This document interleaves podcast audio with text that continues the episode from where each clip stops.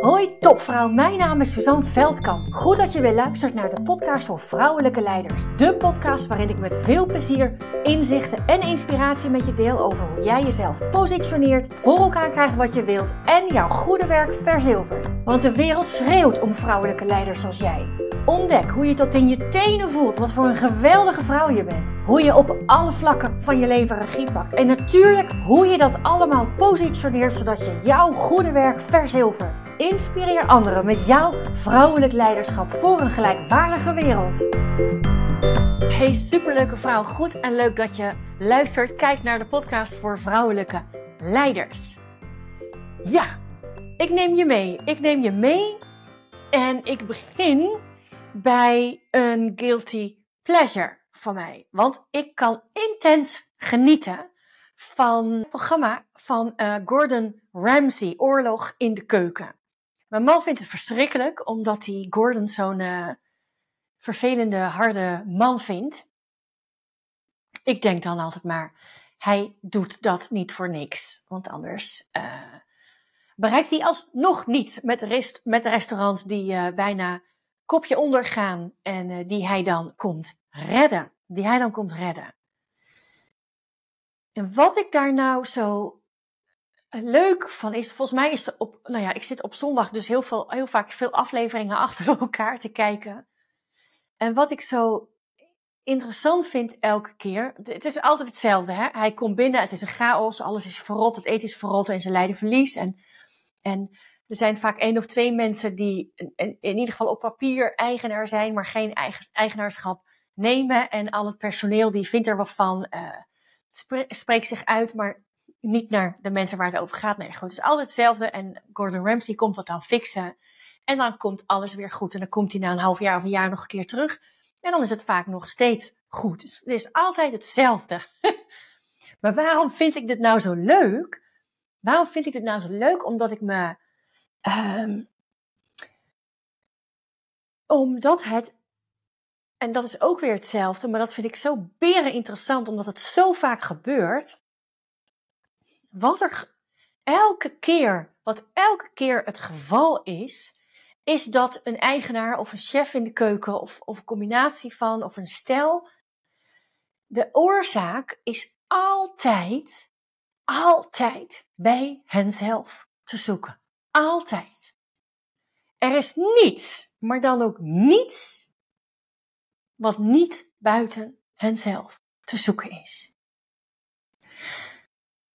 En dat is precies waarom het natuurlijk vaak zo botst hè, tussen die Ramsey en een, een eigenaar of een uh, chefkok in de keuken. Um, want dat is natuurlijk heel confronterend. Want het gaat alleen maar over jou. Nou, die Ramsey, ik denk dat, dat een, een chef-kok in geen enkele keuken met alleen eh, zachtheid en vriendelijkheid, maar goed, dat is mijn uh, oordeel over hoe het er in, uh, in keukens van restaurants aan toe kan gaan. Maar dat je gewoon heel duidelijk moet zijn. Je moet heel duidelijk zijn. Mensen hebben wat te doen op zo'n avond dat zo'n restaurant open is. Nou goed, Um, is dat keer tien, denk ik. Weet ik niet. Zo zie ik uh, die, uh, die gasten voor me. Maar dat is wat ik het meest interessant vind. Want als een eigenaar of als een chef-kok of wie dan ook een grotere rol heeft in een restaurant, als diegene niet in staat is te veranderen bij de persoon, hè?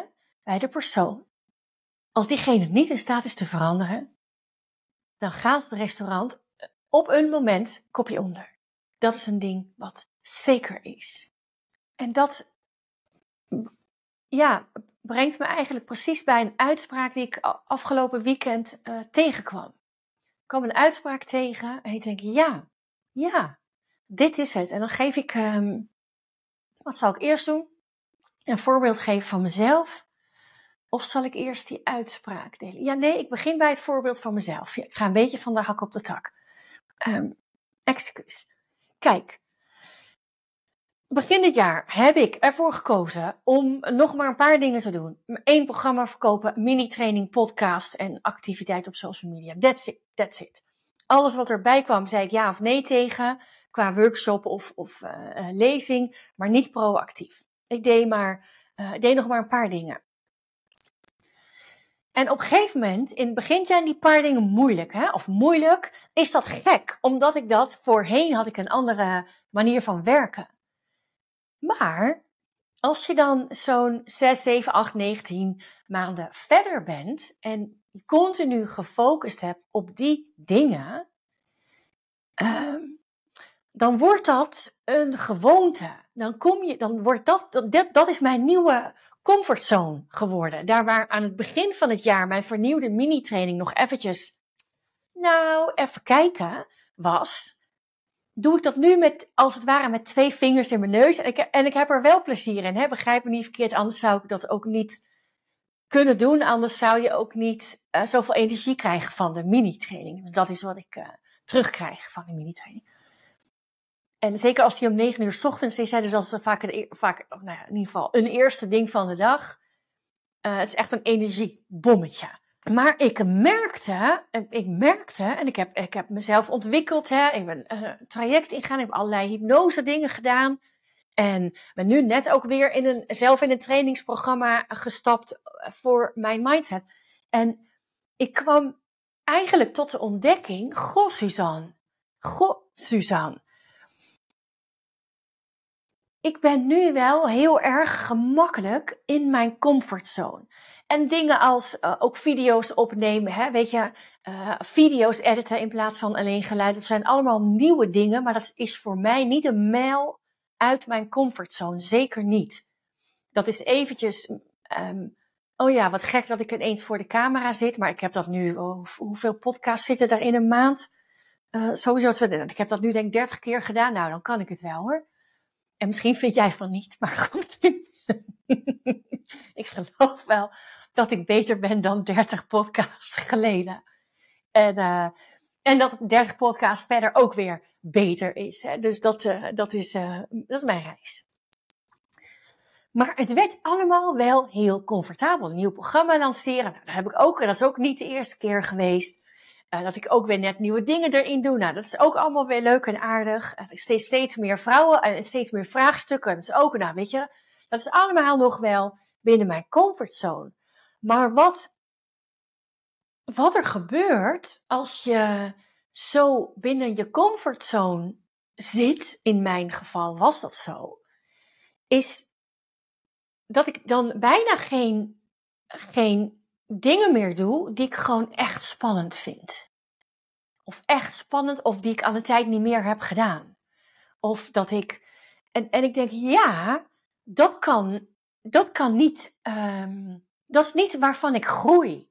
Dat is niet waarvan ik groei. En geloof me, ik heb gegroeid, ik ben van hier tot Tokio gegroeid. Die, die, die sessies die ik zelf heb gedaan onder hypnose, nou, ik kan je vertellen, dat, die waren af en toe echt ronduit verschrikkelijk. Dus in die zin ben ik wel uit mijn comfortzone gegaan, maar dat was ook gewoon, ja, weet je, je zit erin en dan kan je ook gewoon niet meer terug. Nou ja, dus ik dacht, um, volgens mij heb ik daar wel wat in te doen. Nou, ik had al wat ontdekkingen gedaan en dus ik dacht van, nou, ik mag wel wat vaker, ik mag wel wat vaker uh, weg van huis. En niet in de zin van weg van huis om ergens een workshop te geven, maar weg van huis alleen uh, met een nachtje. Dus ik ben er afgelopen. En dat deed ik wel, maar toch ook weer niet zo vaak. En, en corona heeft natuurlijk helemaal de boel weer een, een nieuw normaal voor, voor mij ook gecreëerd. Dus uh, ik dacht, weet je wat ik ga doen? Weet je wat ik ga doen? Ik ga, uh, ik, ik ga ook mijn online trainingen opnieuw opnemen. Dat is ook een onderdeel van het vernieuwde programma. En dat is best wel arbeidsintensief. Um, dus wat is dan, er is er bijna niets handiger dan dat ik mezelf twee dagen kan opsluiten en aan die video's kan werken. Weet je, de content heb ik wel. Ik kan het ook, nou ja, na een jaar lang uh, podcasten, 250 podcasts of zo in een jaar, dan uh, heeft mij ook weer heel veel dingen uh, eigen gemaakt. Maar wat als ik nu eens twee dagen wegga en dan niet met een andere, met een businessvriendin, maar alleen. Gewoon helemaal alleen. en wat als ik dan dat dan ook nog eens doe in een super uh, deluxe lodge is het eindelijk geworden bij iemand. Ehm, is het uiteindelijk geworden bij iemand op het uh, terrein. Wat als ik dat ook nog eens doe in dus op een super deluxe ja, plek voor mij. Waar ik gewoon twee dagen, twee nachten heerlijk zit te genieten. Er zit een sauna in. Ik heb natuurlijk wel gekeken naar hoe ziet dat ding eruit. Hè? Want ik vind het wel leuk als de achtergrond van mijn video's uh, er ook leuk uitzien. Dan had ik er ook hier kunnen blijven op mijn werkkamer. Want daar ben ik ook heel gelukkig mee met hoe dat eruit ziet. En tegelijkertijd, het is meer uit mijn comfortzone om dan niet alleen twee dagen, twee nachten alleen weg te zijn. Maar ook nog eens in wat ik uh, misschien wel veel te dure plek vind om dit te doen. Ik denk, nou, dan heb ik twee vliegen in één klap. Dus dat ga ik doen. In januari heb ik dat gepland. Twee nachtjes alleen. Super deluxe uh, bed and breakfast lodge met een sauna en een bad en zo buiten. Nou, hoe ik dat voor me moet zien, dat weet ik niet. Maar dat ga ik wel ontdekken. En open haard erin. Uh, dus dat is uit mijn comfortzone. Wat ook weer uit mijn comfortzone is, is, is veelvuldig netwerkbijeenkomsten bezoeken. Nou, daar heb ik in januari, februari twee van gepland. Het is ook weer, ik ben altijd als een vis in het water en tegelijkertijd heb ik het heel lang niet gedaan. In de COVID-periode natuurlijk al helemaal niet. En nou, als ik kijk naar afgelopen jaar ook niet, want ik was full focus bezig met een, met een aantal dingen, met een paar dingen. Dus ik zet mezelf, ik zet mezelf heel bewust uit mijn comfortzone. Ik zet mezelf heel bewust uit mijn comfortzone. Er zijn nog veel meer dingen die ik uit mijn comfortzone aan het doen ben, die ik opzoek. Uh, en tegelijkertijd zijn dit wel twee, uh, twee mooie voorbeelden, denk ik. En wat is nou dat? Wat is nou de kern van dit verhaal? Hè? De kern van dit verhaal is bij Gordon Ramsay in de keuken. Deze mensen die hun eigen bedrijf, die hun ziel en zaligheid zo hebben laten terug laten lopen, die hebben een angst niet onder ogen gekeken. Die zouden bang moeten zijn voor iets wat zij niet gedaan hebben. Wat zij hadden moeten doen om te voorkomen dat het zo erg zou worden, dat Gordon notabene langskomt en dat je allerlei shit naar je hoofd geslingerd krijgt. Zij hadden veel eerder bang moeten zijn om continu hetzelfde te blijven doen. Dat is wat ze hadden moeten doen. Ik, ik weet niet of het eerder had gemoeten. De een zou zeggen wel, ik denk nou, ik ben precies waar ik nu zijn mag.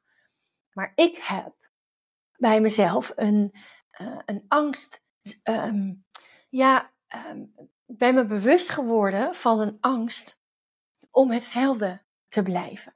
Als ik hetzelfde blijf, dan groei ik niet. En als ik niet groei, dan groeit mijn bedrijf ook niet. En als mijn bedrijf niet groeit, dan groeit mijn impact ook niet. Als mijn impact niet groeit, dan groeit die voor vrouwen gelijkwaardige wereld ook niet. Dus ik heb continu bang te zijn voor dat ik hetzelfde blijf, dat ik hetzelfde doe, dat ik hetzelfde denk. En om te voorkomen dat ik dat doe, heb ik mezelf dus continu uit te dagen. Continu uit te dagen in, ja, uit mijn comfortzone te gaan, maar ook continu me bewust te blijven dat ik niet weet wat ik niet weet. Er zijn zoveel dingen waarvan ik niet weet dat ze, dat ze zo zijn, dat ze zo gaan, dat ze zo kunnen. En als ik vanuit die aanname vanuit die gedachtegang continu naar mij, naar mijn bedrijf kijk, naar wat ik uh, bij jou zie als ik met je werk, als ik daar continu naar kijk en ervan uitga dat ik bang te zijn heb voor continu hetzelfde te doen, dan ben ik continu bezig met groei. Ben ik continu bezig met mijn eigen ontwikkeling. Nou, kan ik het hele rijtje weer herhalen? Ga ik niet doen.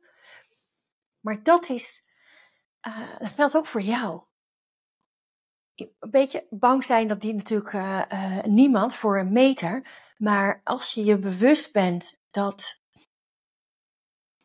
hetzelfde doen jou niets meer, niets minder brengt dan je nu krijgt. en je wilt iets anders, zorg er dan voor dat je een angst bij jezelf creëert om hetzelfde te blijven doen. In plaats van die veel logischer angst voor verandering. Voor verandering. Dat is ook waar je ego natuurlijk ook heel goed in is. Hè? Die zorgt ervoor dat je hetzelfde blijft doen continu. Want verandering, dat is gewoon niet de bedoeling. Doe je gewoon niet. Ook al doet het hartstikke veel pijn op sommige momenten. Zoals je het nu doet. Zoals het nu gaat. Dan nog waakt jouw ego ervoor dat je blijft doen wat je altijd deed. Want dat is het oude vertrouwde, bekende. Maar op het moment dat jij bang wordt voor hetzelfde te blijven doen, dan draai je het om. Dan draai je het om. Dan ga je dingen anders benaderen. Ben je minder bang om uit je comfortzone te stappen, want je weet dat het precies de bedoeling is. Dus wees bang om hetzelfde te blijven doen. Daar zit niet jouw groei. Daar zit niet jouw potentie. Daar zit niet die topvrouw, die grootheid die er gewoon is. Die nog meer dan je nu doet er is om benut te worden, om gezien te worden, om zich vanuit die hoedanigheid en energie te gedragen. Wees bang om hetzelfde te blijven. Veel plezier bij doen. Dag leukers, dankjewel voor het luisteren. Dank. Dank, dank, dankjewel voor het luisteren. was deze podcast nu waardevol voor je? Heel goed, dat is precies de bedoeling. Ik zou het geweldig vinden als je iets voor me terug wil doen. Dat kan door deze podcast te delen met een vriendin, in een groepsapp of helemaal geweldig op social media. En gebruik je Spotify? Laat dan weten wat je ervan vond. Dan maken we de wereld samen gelijkwaardiger. Dankjewel!